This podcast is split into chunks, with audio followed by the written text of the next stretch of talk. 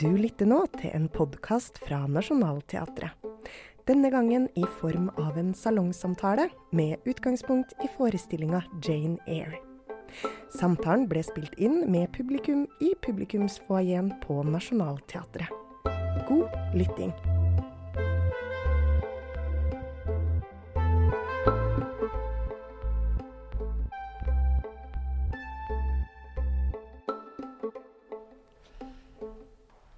Kjære alle sammen, eh, hjertelig velkommen til denne litterære salongen på Nationaltheatret.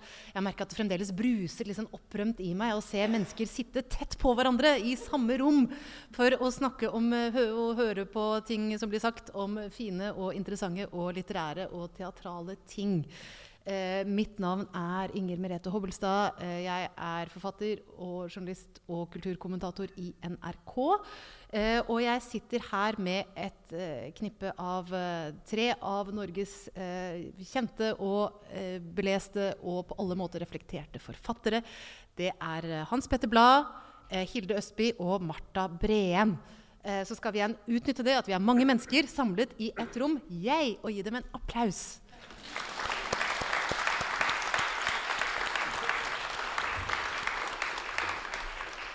Åh, musikk, musikk i mine ører. Eh, men jeg tenkte vi rett og slett skulle begynne med et litt sånn nesten, Kanskje nesten banalt spørsmål, men når, kjære panel, når leste dere Jane Eyre eh, første gang? Og hva var opp den opplevelsen? Hvordan var den opplevelsen? Jeg kan gjerne begynne. Eh, opplevelsen av Jane Eyre var i forbindelse med at jeg var mer eller mindre forelsket i Emily Bronte altså den andre søsteren og leste nok 'Stormfulle høyder' først. Så det tok noen år før jeg da leste Jane Eyre. Uh, uten at jeg helt vet hvorfor det skjedde. Det skjedde vel i forbindelse med at jeg skrev et teaterstykke om hele familien. Sånn at jeg var ikke en sånn tidlig ute på Jane Eyre, men relativt tidlig ute på 'Stormfulle høyder', må jeg nok innrømme. Ja. Jeg leste Jane Eyre første gang da jeg var eh, i tidlig tenåra. Og for meg så har den, den har på en måte fulgt meg gjennom livet. Nå er jeg snart 50, da. Og jeg føler at uh, jeg har vært gjennom mange av stadiene som Charlotte er gjennom i den boka. Jeg identifiserte meg veldig med henne som barn. Det fortapte barnet i det røde rommet. Det var ekstremt sterkt for meg å lese det. Og uh, hvordan hun finner seg selv og finner en sånn kraft i seg selv som hun egentlig ikke trodde at hun hadde engang. Um, jeg føler at uh, den boka er veldig nært forbundet med mitt eget liv. Eh, ja. Jeg synes det høres, Selv om vi er i Nationaltheatret, så syns jeg det høres litt sånn kulturelitistisk å spørre folk om når de leste Jane Eyre første gang. Som om du eh, Har du ikke lest den fire eh, ganger? Jeg, har ikke lest Jane Eyre. Jeg har sett den på teater. Eh, tredje gangen var det når jeg var her nå på mandag. Eh, det skal vi snakke litt mer om etterpå, den eh, forestillingen. Eh, var, jeg var ikke et barn som leste klassikerne, de store klassikerne fra litteraturhistorien. Jeg leste det som sto i min mors bokhylle, og det var stort sett eh, Susanne Brøgger, Gerd Brantenberg, Bjørg Vik og Liv Kølsson. Men da du møtte Jane Eyre, av de omveiene du gjorde, hva, hva satt du igjen med fra den opplevelsen? Sånn, uh, det var da jeg var, gikk på teater på Romerike folkehøgskole på 90-tallet. Og vi så en del teaterstykker i Sverige. Og jeg syns det var uh, veldig ålreit på mange måter. Men den var litt mer tradisjonell enn den som er her. Og ja, jeg syns jo det som er modernisert eh, ofte treffer meg litt mer. Da. Så, så, ja, uten å røpe for mye, så vil jeg jo si at det var en eh, større opplevelse å se det her i denne uka. Altså, nå skal det jo sies at Grunnen til at jeg la på den der første gang, som vi snakket om, går det an å spørre om, det er jo at for en god del, og særlig jenter, vil jeg anta, så er det en bok man leser nettopp i tenåra. Det var da jeg leste den første gang også, da jeg var 10-11, og ble liksom revet med av denne smektende kjærlighetshistorien, ikke sant, som er som en sånn kastevind i den romanen.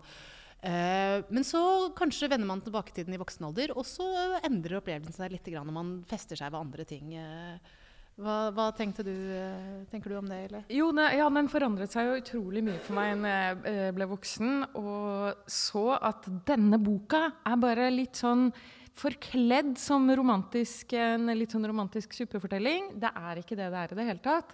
Det, om, det er en coming of age-fortelling. Det er en dannelsesroman. Det morsomste er jo når jeg leste Jean Rys, 'Vide Sargasso'. Den bør alle lese. Det er fortellingen til den første fru Rochester. Og hun blir jo eh, gal, da, ravende gal, i boka, og eh, sørger for at hele eh, det store uh, herregården brenner ned. Men i Jean Rys uh, fortelling så er hun jo en uh, fortapt skikkelse fra Det står jo i boka. Hun er jo fra Nå står det helt stille for meg. Vestindiske øyne, vel? Ja. Og det, Jean Rys var en forfatter fra det området. Så det er, en, eh, det er, veldig gøy å lese den boka, for plutselig så snur hele fortellingen seg. Litt som når du ser Tom Stoppards uh, 'Gyldenstern' og 'Rosenkrantz er døde'. Og plutselig ser du Hamlet fra en helt annen vinkel. Mm. Eh, hva tenker du? Hvordan har romanen forandret seg? Som og nå er det jo no aspekter som er eh, ja, nettopp ved at vi er i en såkalt eh, post, postkolonial diskusjon veldig mange, på veldig mange måter. Og det er også en stor diskusjon om utdannelse og dannelse. Og begge de to elementene er veldig sentrale. Det er jo, The Mad Woman in the Attic er jo fra koloniene, eller det som da var koloniene. Og det er jo også noe som Heathcliff i 'Stormfulle høyder' har til felles med henne. At det er den andre og den fremmede som kommer inn i det engelske øyriket. Og den bringer med seg kolonihistorien på en veldig revolusjonerende måte som ikke står helt i balanse og sammenheng med hvordan Brontë-søstrene selv vokste opp ganske øde i Yorkshire og på utsiden av, eh, på utsiden av liksom de store metropolene hvor, eh, hvor, dette ville vært en mye mer aktuell problemstilling. Så de har fanget opp veldig mye via noe så Og det gjenspeiler seg i bøkene, hvis jeg kan liksom da glive litt over mot pseudonymtenkningen mm. og den, hvem de egentlig var. Så de har fanget opp utrolig mye via noe så absurd som avis- og tidsskriftlesning. Mm. De var sånne kjempelesende barn skrivende og lesende barn, både søstrene og broren. Og det kan man jo ikke annet enn å skyte inn at nå sitter vi her som familien Brontë hele gjengen. altså Med meg som Branwell, og dere får velge hvem. det, ja. Den det gikk dårligst med, må det da skytes inn her. Ja. Nei, fordi det, det bare uh, den opplevelsen jeg hadde for min egen del. husker jeg, for det er jo, altså, Hvis man tenker at Jane Eyre er en roman altså Først er hun hos uh, den foreldreløse Jane Eyre, først er hun hos tanten sin, som behandler henne dårlig. Så er hun på denne pikeskolen der hun blir behandlet dårlig. så er hun da... Men hun får sin første venn. Ja, får sin første mm. venn. Så er hun guvernante hos Mr. Rochester, og denne flammende kjærlighetshistorien setter i gang. Og så rømmer hun derfra der det er et langt etterspill hos noen slektninger før hun, hun, hun gjenforenes med ham. Og jeg tror jeg leste romanen om igjen da jeg var i tidlig 20-åra. 10-12 år eller noe siden jeg leste den første gang. Og ble jo slått av for en rasende roman det er. Altså, på mange måter. Altså Det enorme kokende sinnet som ligger under. Eh, og som blir holdt, holdt, holdt, holdt igjen. Og så kommer du til disse vulkanske utbruddene. ikke sant? Eh, eh, overfor denne tanten som behandler henne dårlig. Og igjen også da i en slags romantisk setting overfor Mr. Rochester. Altså det er eh, eh, den intensiteten altså Ikke så mye romantikken, men som i raseriet, altså, tror jeg er mer iøynefallende når man leser den som voksen. Og som det må jo sies, altså Charlotte Bronte, forfatteren, delte eh, i stor grad. Hun var jo en eh, kokende person selv på mange måter. Og da kan jo, vi skal innom dette med, med Charlotte Bronte, som også skrev under navnet Bell, men vi kan jo begynne da litt med, med Charlotte selv. da. Eh, Hans Petter, hvem, hvis vi skal si noe om det, hvem var Charlotte Bronte? Uff. Hun var uh, datter av en prest. En veldig tidlig intellektuelt utvikla jente som mistet moren da hun var liten. Som ble sendt til disse skolene hvor hun uh, Man gikk veldig raskt fra å være liksom, elev til å peiles inn mot Det var liksom det en smart og oppegående kvinne som hadde litt utdannelse og kunne skrive, kunne gjøre. Bli en del av utdannelsessystemet og undervise. Uh, og alle disse erfaringene speiler seg. Var, de var en lukket og veldig knyttet familie som uh, levde i sin egen verden og sin egen virkelighet. Og i tillegg konstruerte Jeg vet ikke hvor langt jeg skal gå inn i det nå. Kanskje jeg kan tillate meg et lite hopp inn i deres fiksjonsverden. Altså, de konstruerte opp sin helt egne spesielle litterære virkelighet. De lagde bitte, bitte små bøker formet som tidsskrifter, kopierte datidens litterære tidsskrifter, hvor de skrev åttehendig Altså Branwell og Charlotte skrev sammen, og Anne og Emily skrev sammen. Og lagde Gondal og Angria, som var to sånne litterære universer hvor basen, eller opprinnelsen, var egentlig tolv tinnsoldater som Branwell fikk av faren. Kjøpte de Leeds i 1836, mener jeg å huske. Og de grabbet seg hver sin tinnsoldat. Charlotte kalte sin for Wellington, som var hennes store helt. Branwells var vel Bonaparte. Og Anne og Cha, eh, Emily tror jeg fikk kallenavn bare. Eh, den skumle eller den dunkle eller noe sånt. De var ikke så oppe, Men spesielt Charlotte var dypt fascinert av Wellington. Og han vant alle slag i dette eh, fiksjonaliserte universet. Så de var sånne barn som satt og leste. altså du kan tenke deg, Man må prøve å visualisere dette lynraskt. Eh, veldig nærsynt. Eh, kledd som en gammel dame fra liksom sånn åtte-niårsalderen. Uh, satt med en sånn stor avis og leste ved kjøkkenbordet med bena som dinglet, og begynte å skrive i hemmelighet etter hvert. De, de, skrev diktene sine i hemmelighet, så når de ble forfattere, så var det skjult både for verden og for hverandre. Sikkert fordi det var dypt og grunnleggende personlig, selvfølgelig. Ja. Fordi de, ja. Ja, nei, var jo, De var jo ikke alene om det. Det var, veldig, det var jo nesten det vanligste for uh, kvinnelige forfattere på den tiden å skrive anonymt. Mm. Også her hjemme. Ja, fordi da skal vi da inn på no, eh, et av aftenens temaer, nemlig dette da med pseudonyme, og, og spesifikt pseudonymene til, til Brontë-søstrene. Eh, fordi hvis vi, vi, skal eh, Vi må dessverre da gå vekk fra han håpløse Branwell, da, som, som det ikke går sånn kjempebra med. Eh, men de tre søstrene Brontë altså De er jo de tre gjenlevende søstrene Brontë, må man jo kunne si, for de mister jo to søstre som, som dør som barn. Eh, men altså når Charlotte, Emily og Anne omsider bestemmer seg for å prøve å bli publiserte forfattere, dels av ren nød, de trenger penger, eh, og de begynner da først med å prøve å få diktene sine publisert, så bestemmer de seg for å gi dem ut under pseudonymer. Og, og, de gir heller ikke forleggerne som de sender diktene til, noe, noe hint om sin egentlige identitet. Eh, og slik er det Charlotte blir Currabell, Emily blir Ellisbell, og Anne blir Acton Bell. Eh, dette er navnet som altså stå, også står på førsteutgavene av søstrenes romaner. Eh, og, og, Charlotte hun skrev senere det følgende Vi hadde lagt merke til hvordan kritikere som ville bebreide kvinner, ofte brukte personligheten deres som et våpen mot dem, og når de ville belønne dem, grep til smiger, som ikke er sann anerkjennelse. Hva, hva tenker dere om denne begrunnelsen og denne avgjørelsen? da? Det er jo veldig klassisk. holdt Jeg på å si. Altså, jeg syns jeg har hørt nesten akkurat den samme setningen sagt av uh, andre forfattere. Eh, både her hjemme altså Det handla jo om det at eh, altså det var mange grunner til det. For det første, vi snakker om innholdet i Jane Eyre som er såpass uh, spesielt eh, og, og, grensesprengende at en kvinne ikke kunne ha navnet sitt på det. Av helt åpenbare grunner. Man ville bli skandalisert, familien ville blitt skandalisert.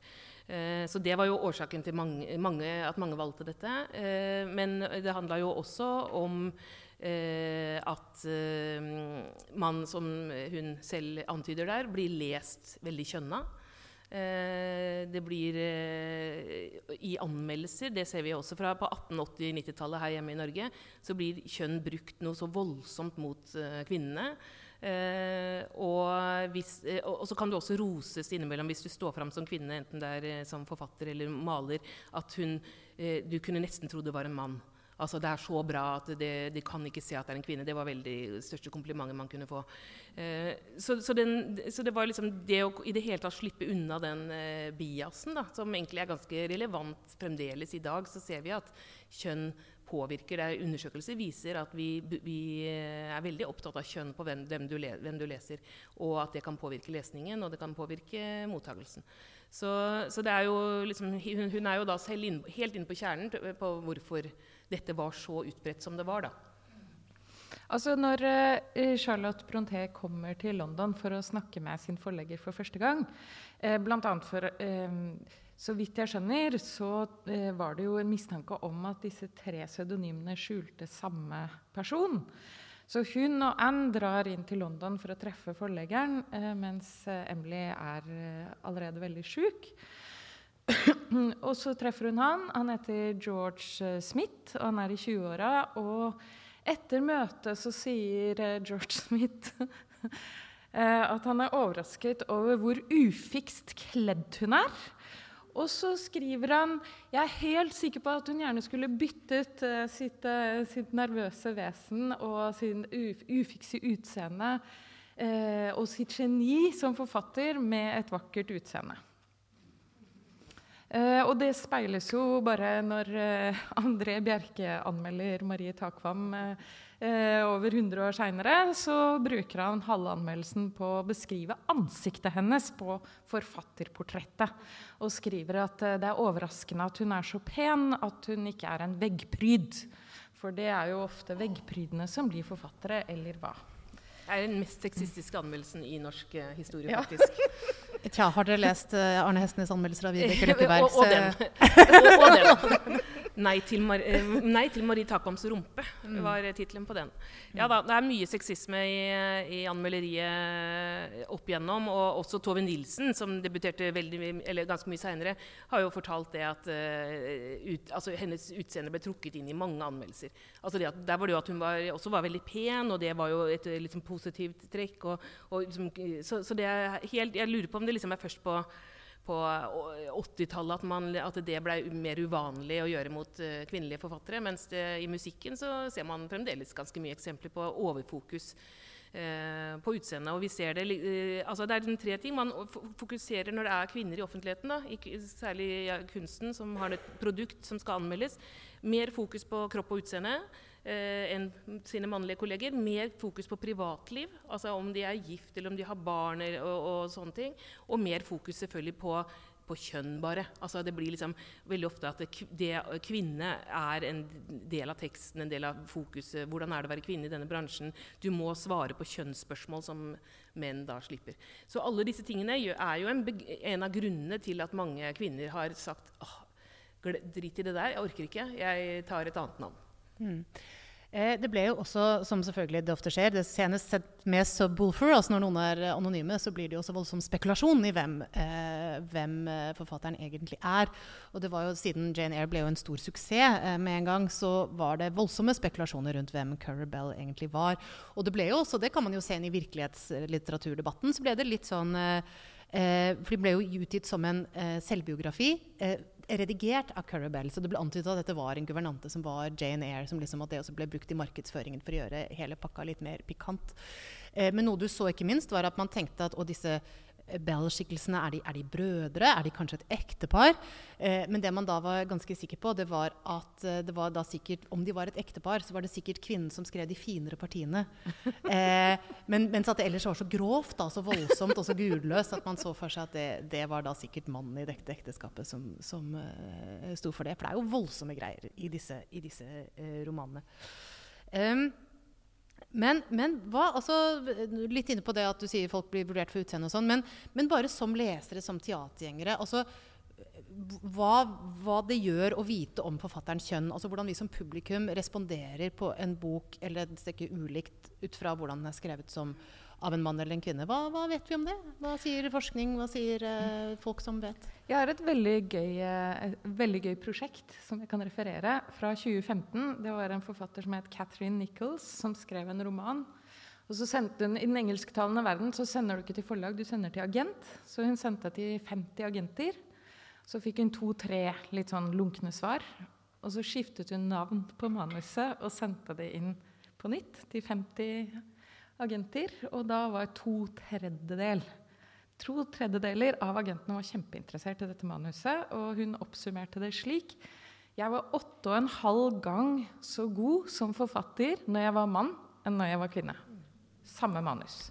2015 var dette. Og, og lignende undersøkelser, og det får vi hele tiden da, på ulike måter. Altså, det kan være alt fra den, den større Det var en sånn sak for noen år siden at man, eh, når, det gjaldt prøvespilling på, til klassisk eh, orkestre, eh, hvor det da var eh, vanskeligere for kvinner å få plass, men når de begynte å ha audition bak et forheng, så, og det har de fortsatt med, fordi da ble det så stor forskjell.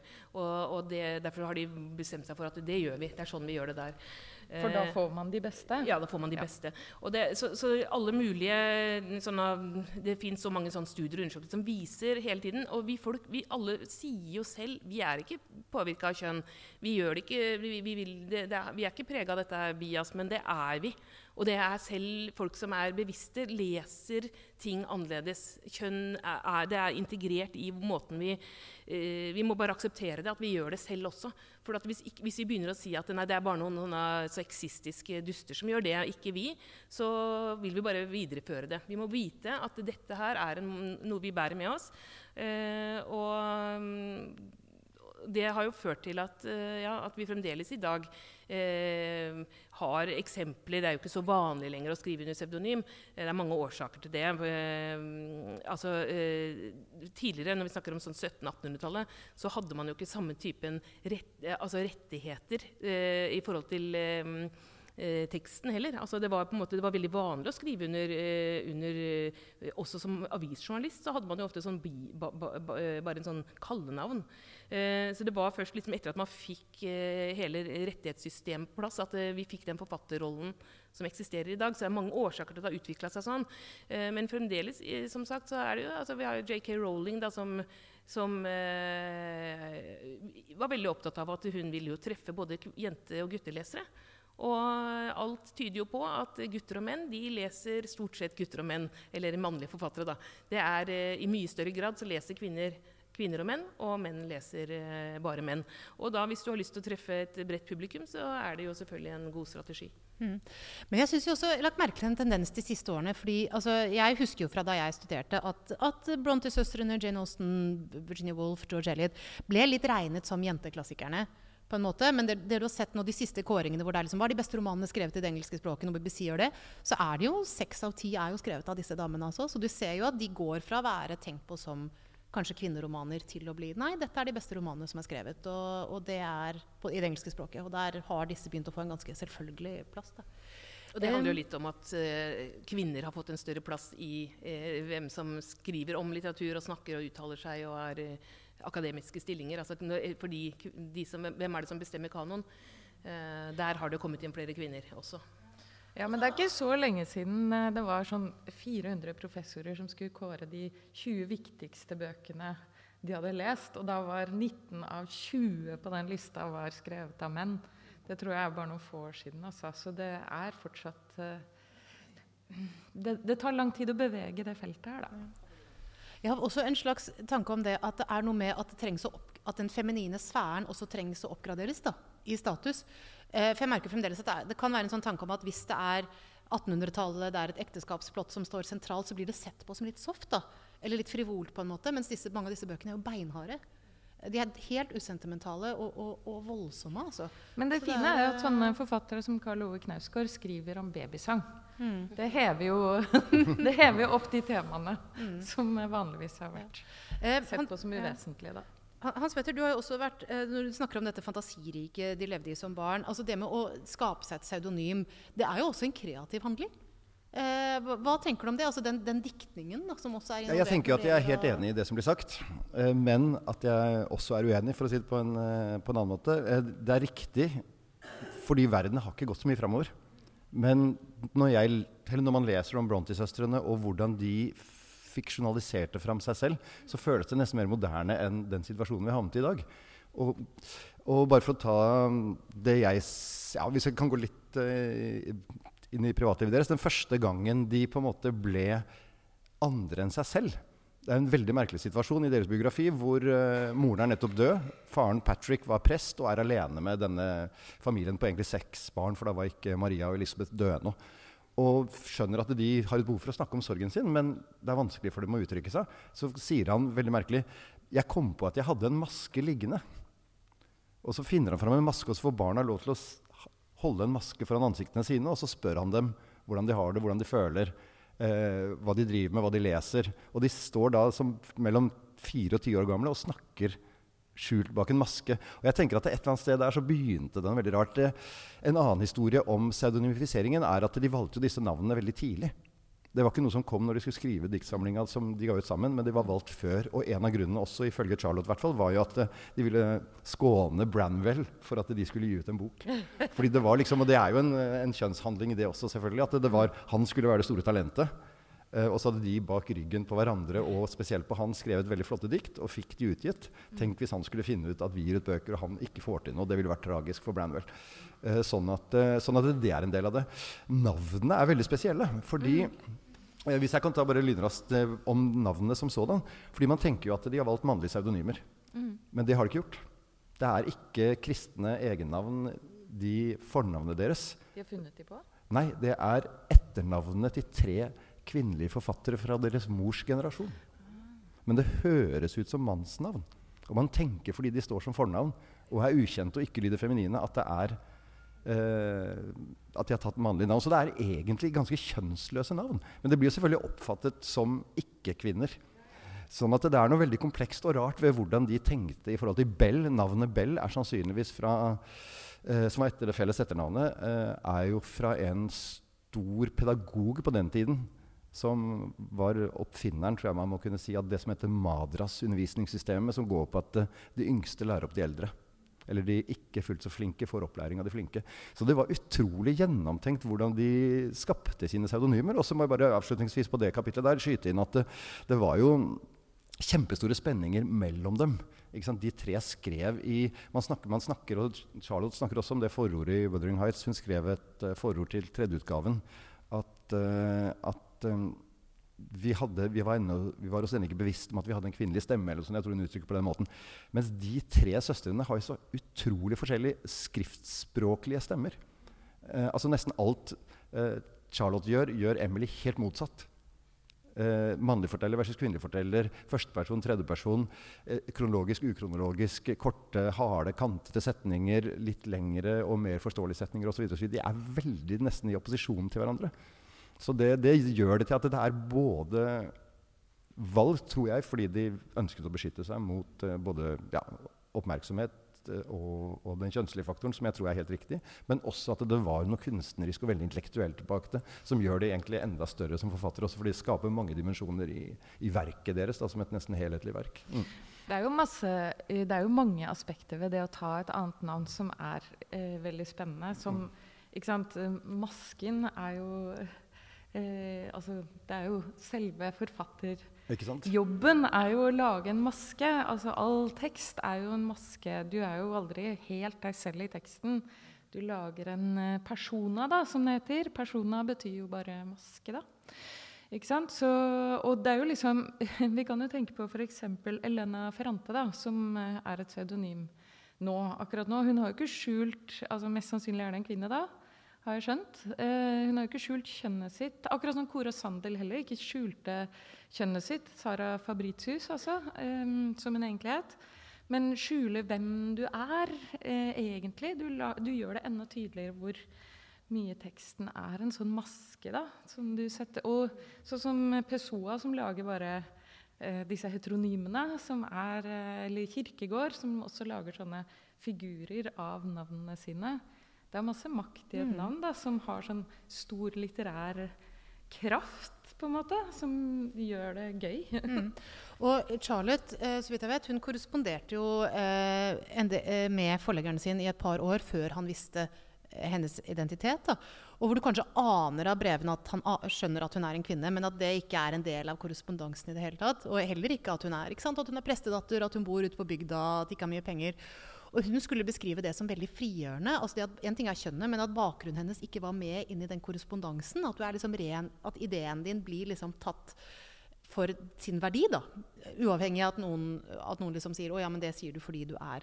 Og det er en sånn tendens man merker. altså dere, Vi har jo alle vært ute i den offentlige debatten, og det er ganske lett å bruke identitet mot en motstander, altså enten det er kjønn eller noe annet, og det, å si at 'Å ja, men det sier du bare fordi du er den og den', og, og, det og det er dine erfaringer, og du har ikke den typen erfaringer som du burde ha for å kunne, eh, kunne delta, delta her. Det blir kanskje her. mer og mer av det.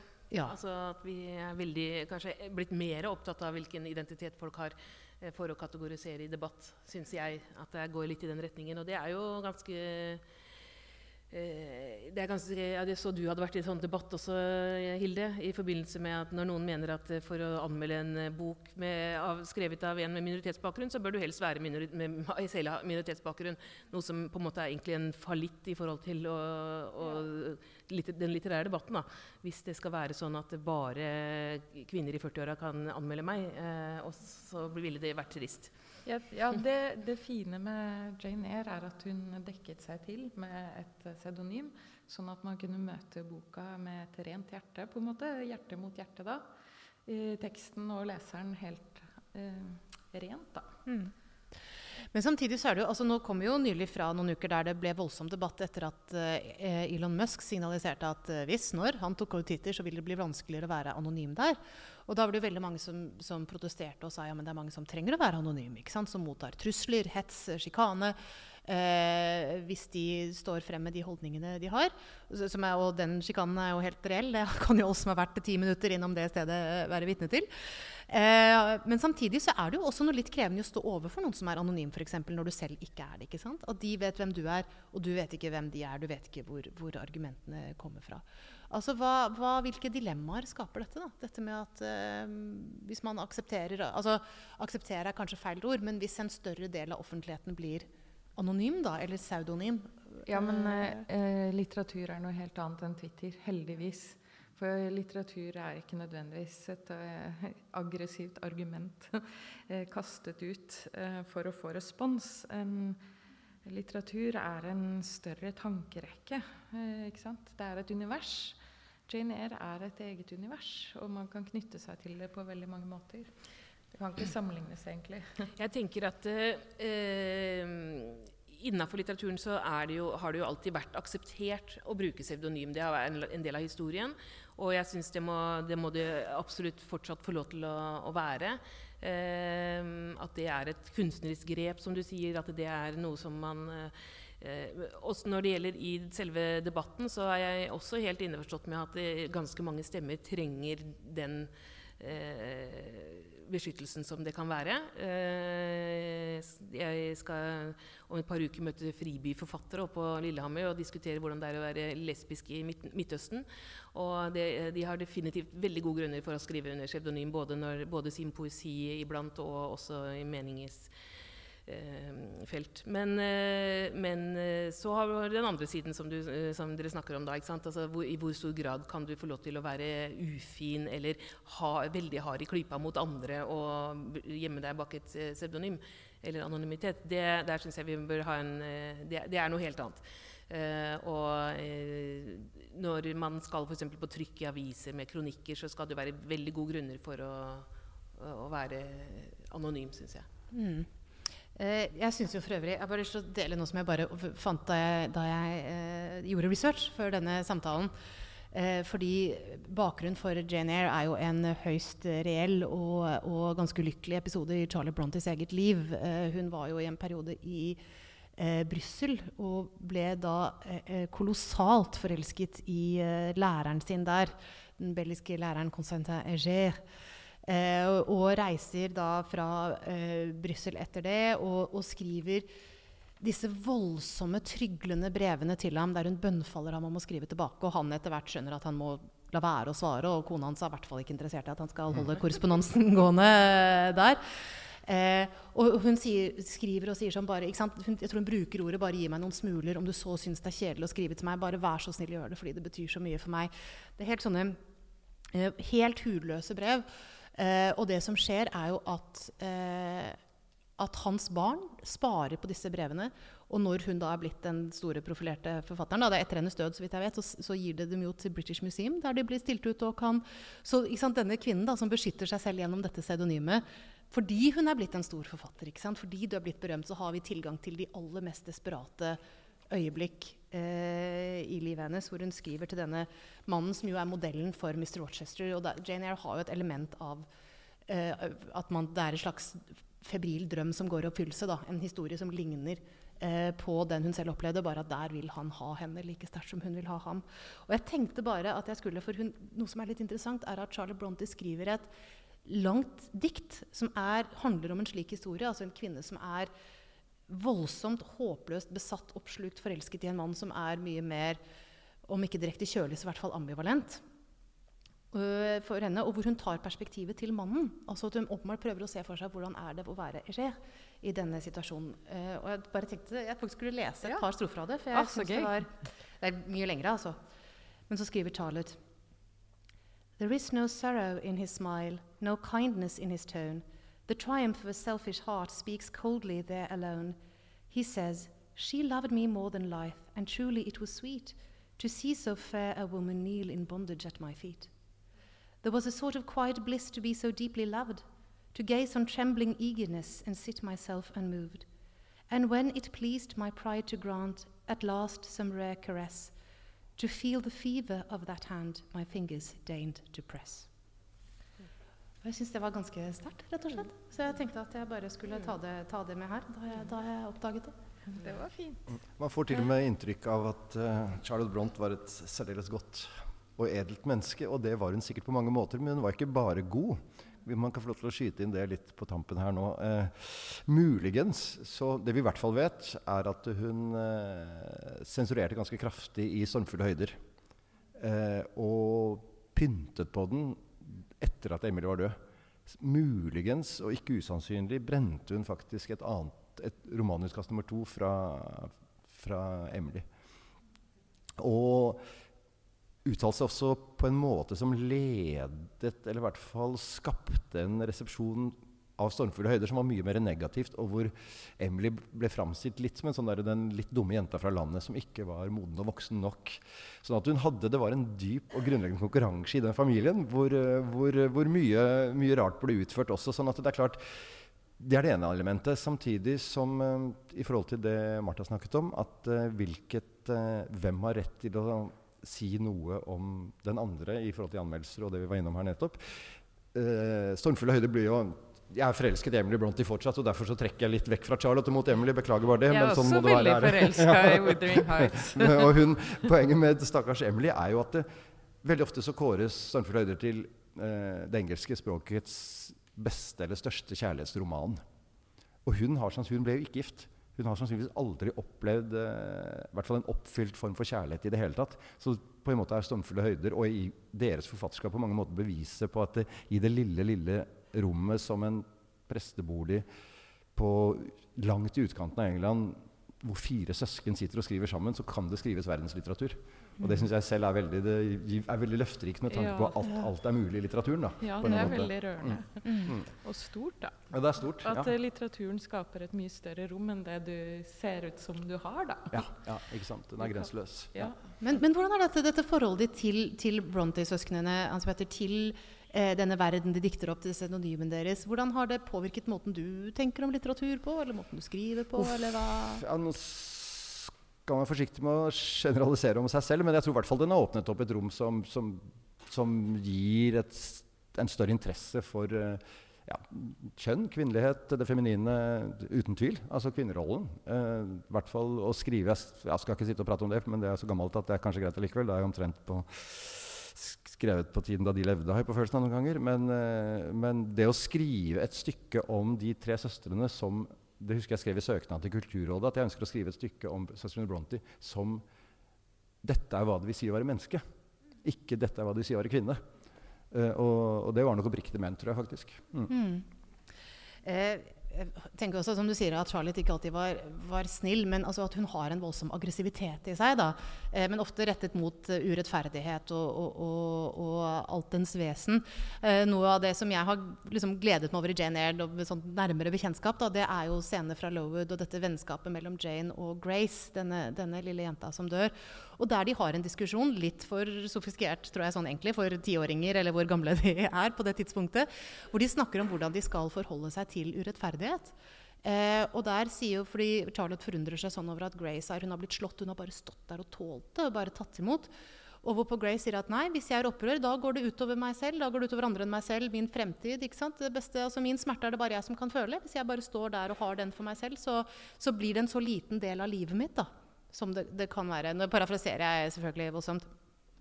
Og, og Jane er jo ikke enig med det. Hun sier at nei, hvis noen slår oss, så skal vi slå tilbake så hardt vi bare kan. Fordi hvis vi ikke slår dem, så kommer de til å slå igjen. Og da kommer de til å tro at dette er greit, og det er det ikke. Da kommer de, The Wicked kommer til å fortsette å være, være wicked. Så vi må ta igjen. Eh, og, og, Grace har mer en sånn tanke. Men når du snakker om disse om alle som har vært behandlet deg dårlig, skal du gå rundt og bære på det resten av livet? Jeg tror hun bruker skal du ha a catalog of injustices. ikke sant? Er det det du skal eh, skal gå og trekke med deg. Så synes jeg nesten at man kan høre en diskusjon i Charlottes egen hode, da, om alt, eget hode om alt det hun reagerer på, alt det hun er sint på, eh, og bare hun skal, hvordan hun skal bearbeide det. Ja, begge holdninger er jo på en måte veldig legitime og mm. riktige, da. Å tilgi og legge fra seg og, og, slå tilbake. Begge deler er jo Det er jo ikke en løsning på den konflikten, da. Mm. Eh, jeg tenkte vi skulle snakke litt bare om selve fortellingen, da, om romanen Jane Eyre. Eh, altså, kan jo bare ta denne hovedpersonen Jane. Altså, det, er jo, det, er jo, bare litt radikalt å bare skrive fra en guvernante på denne tiden. Fra hennes perspektiv. Fordi, fordi, det er en marginalisert skikkelse som, som, i stor grad lever på andres nåde. Går rundt i andres hus og, og, ser etter barna deres. Men hva er det som gjør Jane til en kraftfull hovedperson? Til en minneverdig karakter? Vi har vært litt inne på det, men jeg tenkte vi kanskje skulle kunne utbrodere litt? Jeg kan jo si litt basert bare på å ha sett mm. teaterstykkene. Da. Eh, og dette siste som jeg så, som da løsriver seg ganske kraftig fra manus og er eh, med, med ny, nyskrevet tekst også. Eh, men det eh, som jeg ser på, syns jeg som jeg sitter igjen med, det er vel at det er et sånt voldsomt oppgjør mot det mannlige blikket som på en måte er et eh, begrep i feminismen. ikke sant? Male gaze. Eh, som, som, plasserer kvinner i en birolle i universet, birolle i en manns liv.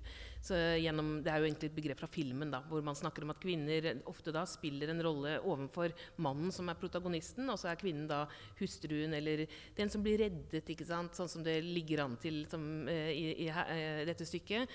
Eh, hvor eh, hun da skal liksom løftes fra fattigdom og fra denne lave posisjonen som guvernante og, og inn i å bli eh, løftet opp på en pidestall fordi en mann har kastet sitt blikk på henne. Og så, i motsetning til hva alle tror og forventer, så sier hun nei, det vil jeg ikke. For jeg vil ikke være en parentes i ditt liv, jeg vil være, leve mitt eget liv. Og Det er på en måte dette oppgjøret med, med hvordan, hva som har vært uh, kvinnerollen, og hva som er forventet. Og den kjører hun så ut. Og til og med, vi er jo også opplært til å heie på de gode, fine løsningene. Så man jo, sitter jo der og tenker Nei, men ikke avvis han, da! Nå, nå, liker jo han deg, liksom. Altså, sånn tenker man jo litt, for man vil jo liksom at det skal bli litt lykkelig slutt. Og så, så sier hun nei, det er ikke lykken for meg. For det er ikke en ekte lykkelig slutt. ikke sant? Nei, men, den, men det, så det, det, er det jeg sitter igjen med. Ja. Men det som er litt interessant dette er at dette er jo mannen hun elsker. Hun vil jo veldig veldig gjerne ha ham. Men det er jo noe med at det å leve Og der ser du jo også litt den konservative prestedatteren. da, At det å ikke være en ektevidd hustru som da blir umulig pga. ting og tang. Eh, men å være hos ham som en slags elskerinne, at det går for hardt på hennes selvrespekt løs. da, Integritet løs, rett og slett. At det, at det ikke er mulig. Eh, hva skulle ja. du si, Hilde? Nei, Jeg bare tenker på hva som er hennes eh, liksom, styrke. da. Det er jo at hun er, har et veldig klokt ho hode. Eh, det blir sagt eh, flere ganger at hun har dette hun har en slags sånn klokhet og ettertenksomhet eh, ved seg, da, tross sinne- og rettferdighetssansen. Men for meg sånn min egen, I min egen skrift, da, så er jo Når jeg har skrevet skjønnlitteratur, så er jo Veldig mange av mine karakterer har vært inspirert av henne fordi de er så lengtende. Jeg har laget et leksikon om lengsel en gang i tiden. Og da Det var jo egentlig det som var så fantastisk med Jane Eyre for meg. At hun Den unnselige kvinnen der som ofte ble portrettert helt bakerst i bildet, befant seg bakerst i bildet. Hun var så full av sånne store lengsler og drømmer om et annet liv og en annen verden. Og at uh, vi alle egentlig er det, da. At du vet ikke hva folk bærer eh, av, av, drømmer og lengsler. Så mm, det farget meg veldig som forfatter. Ja, det, hva skal man si? Det er eh, det er de sterke følelsene som jeg tenker at man ser kanskje tydeligst eh, og på en veldig fin måte i denne forestillingen. Det er ekstremt hvor emosjonelle menneskene er, og det er sterke følelser i spill hele tiden, som er en, hva skal jeg si, en tredjedel av romanen på et eller annet nivå. Altså det er mennesker i økonomien, i omstendighetene, men først og fremst sine følelsers vold. Og det er noe befriende å se det, for det er så lite skjult av strategier. Og, og det, man blir liksom på en måte betatt av menneskene pga. deres sterke følelsesfylde, for å si det på den måten. Eh, så liker jeg veldig godt, og det er vel kanskje noe man må ta inn over seg som skrivende i dag på mange måter. altså The male gaze er et veldig sånn, som jeg er enig i. Altså, det er et veldig sånn rent blikk. Altså, sånn ser verden ut. Det er ikke noe å diskutere. Sånn er det faktisk. Mens disse bøkene er veldig preget av sjangeroverskridelse. Det er gotisk, det er historisk, det er sentimentalt. Det er, liksom litt, eh, det er veldig mye rettferdig harme. Det spiller på veldig dype og rike følelsesregister. Det er preget av at de har lest, eller Charlotte har lest så mye.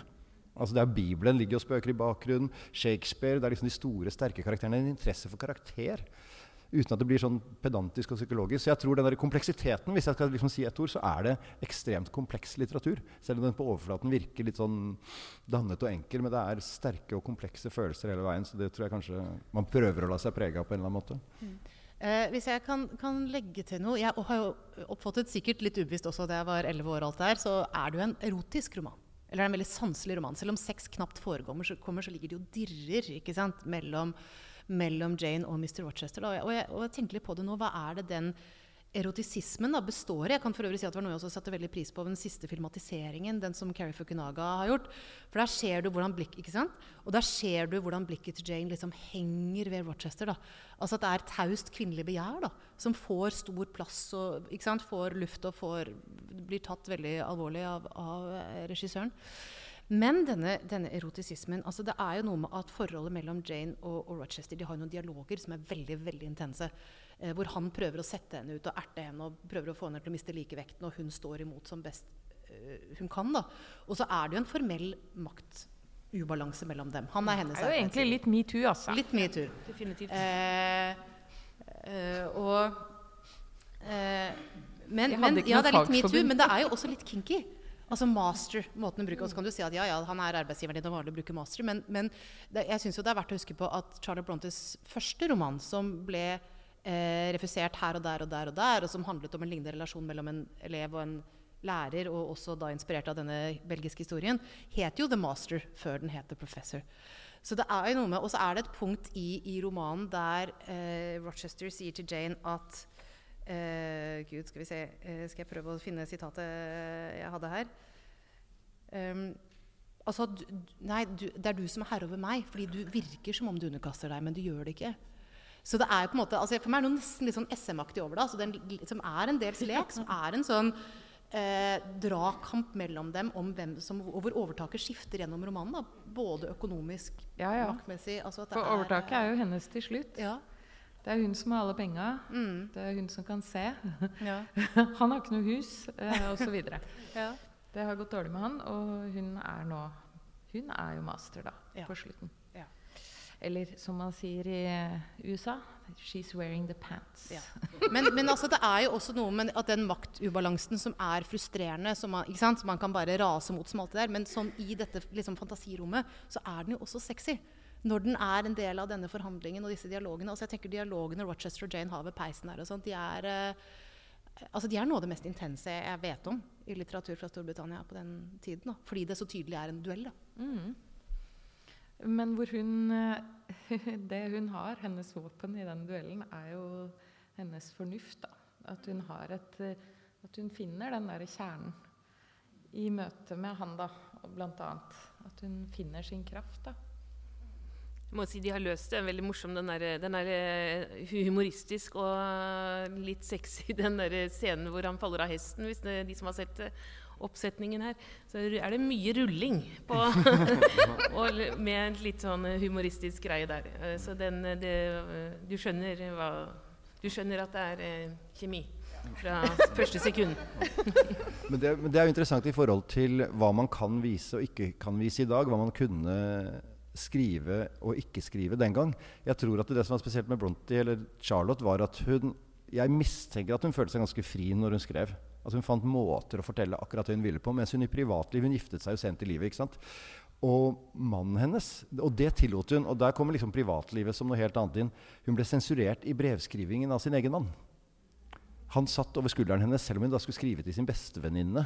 Og de var tilsynelatende lykkelig gift. Så, så, sitter han og leser brevene hennes og sier nei, det kan du ikke skrive.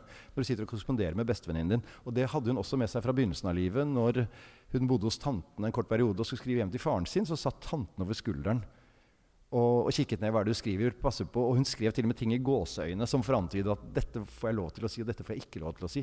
Sånn at den merkelige blandingen av sensur og i samfunnet, men også i familien, har skapt en sånn egen dynamitt. Det er veldig mye brevskrift, avlesninger, hemmeligheter. altså Alle disse tingene som på en måte synes å tilhøre klisjéverdenen i romanskrivingen, var veldig dype realiteter, tror jeg, i, i deres liv. Altså Man skrev brev, man levde i det skjulte, man hadde hemmelige liv. Man hadde dype, dype lidenskaper som måtte holdes eh, ved sjakk, sjakk, rett og slett. Og, og, det gjaldt også barna. Altså Det sinte barnet var nesten en type sånn entitet i, i oppdragelsesinstitusjonene. Og ble, ja, Man kan tenke seg hvordan man ble behandla. Det snakker hun selvfølgelig masse, masse om. Men det var eh, Man trodde nesten at man ville dø. Eller man ble fortalt av lærerne. Hvis du lyver, så kommer du til å dø. Mm. Så er det mm. på en måte kan man si at det er noe med Det er jo et veldig spenn i bare dette, disse livene da, til disse jentene. ikke sant? For det er at de bor der ute på prestegården ikke sant? langt ute. Det er et veldig religiøst paradigme de lever i. ikke sant? Det er en respektabilitet som skal opprettholdes. Det er at de er kvinner. Eh, det er at de har liten livserfaring sammenlignet med veldig mange andre. Og der da ut fra dette litt sånn tette, klaustrofobiske lille hjemmet, så er det et eller annet som bare eksploderer ut. Da, og, og kanskje med en desto større kraft. Fordi veggene rundt dem er så trange. på en måte, At det kan virke som uh, ja, det, det, påvirker jo selvfølgelig litteraturen fra, både fra denne familien, men også fra andre på, i sin tid. Hvordan man levde. Og det du sa nå med eh, strenge rammer, eh, lite livserfaring, eh, gjaldt jo de fleste kvinner på den tiden. Fordi du hadde ikke noen muligheter. Du måtte gjøre som du blei fortalt. Det eh, var ikke noen muligheter for å gå ut og få deg noe seksuell erfaring eksempel, før ekteskapet. Eh, og det, eh, Emily, Emily, Dickinson, som skrev fantastiske, fine dikt, hun, jo, hun publiserte bare syv dikt så lenge hun levde. Eh, alle anonymt. Og når, etter at hun døde, så fant de jo da eh, nærmere 2000 dikt på, skrevet på, bakpå strikkeoppskrifter på, eh, på mathandlelapper. altså han stikker rundt i sprekker og ting på rommet hennes. Og, og, og den, så, så, det var jo liksom Jane Austen liksom, som også satt og skrev, måtte gjemme manuskriptet hver gang det kom noen inn i stua, for de måtte late som hun broderte i stedet. og sånn. Så, så dette her er jo erfaringer som, som var utrolig utbredt på den tiden. Og så har vi allikevel klart å få den typen litteratur. Så de som faktisk skrev, enten under eget navn eller eh, under pseudonym, må jo ha vært noen ganske eksepsjonelle mennesker, eh, altså disse kvinnene, som faktisk som klarte å, å eh, komme seg så langt til at disse manuskriptene finnes i dag. Og, eh, og så kan man tenke på alle, alle de som ikke kom så langt pga. begrensningene. Da, som hadde kanskje, Det er jo masse, masse tapt talent ja, det er det jeg tenker også. At uh, disse kvinnene klarte det fordi de var smarte. Fordi de klarte å sno seg rundt de reglene og begrensningene som fantes i deres samfunn. Så utrolig mange ville ha gitt opp på veien, og, aldri bli, og de kommer aldri til å bli hørt. Og det er skikkelig trist å tenke på. Men nå får jeg litt følelsen at nå står skuespillerne på scenen og føler at ja. nå blir ikke vi hørt heller. For det er jo tom sal, og hva skjer her egentlig? Jeg får så dårlig samvittighet. De har ikke begynt å gå på scenen allerede? Er det noen ja, som har fikk, kontroll på klokken? Ja, vi, vi, fikk, hva skal jeg si? Jeg fikk et lite blunk her, for å si det på den måten. Nå for jeg bare det bare at de var på vei inn. så da tror jeg da kan jeg si at eh, nei, jeg er inspirert av Charlotte Bronte, jeg gjør som jeg vil, og ingen skal fortelle meg hva jeg skal gjøre ikke kan gjøre. Men jeg tror likevel at det klokeste er å si at det var det eh, jeg og dette eh, fabelaktige panelet hadde i kveld. Eh, og så er det bare å ønske alle sammen en fabelaktig forestilling og en eh, fin vandretur inn i Charlie Brontes eh, mørke, rasende, eh, lidenskapelige, fabelaktige verden. Tusen takk for oss.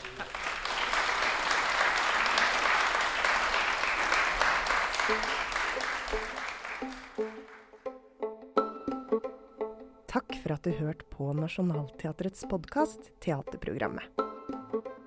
Ideen til denne salongsamtalen var ved Gunhild Aarebrot Kilde. Lydteknikere var Arne Gamst Sæter og Olav Erik Johansen. Og produsent, det var meg, Åsta Hoem Hagen. Mer informasjon om forestillinga og arrangementer finner du på nasjonalteatret.no. Følg oss også på sosiale medier for mer innhold produsert på, bak og rundt scenen. Håper vi ses i teatret.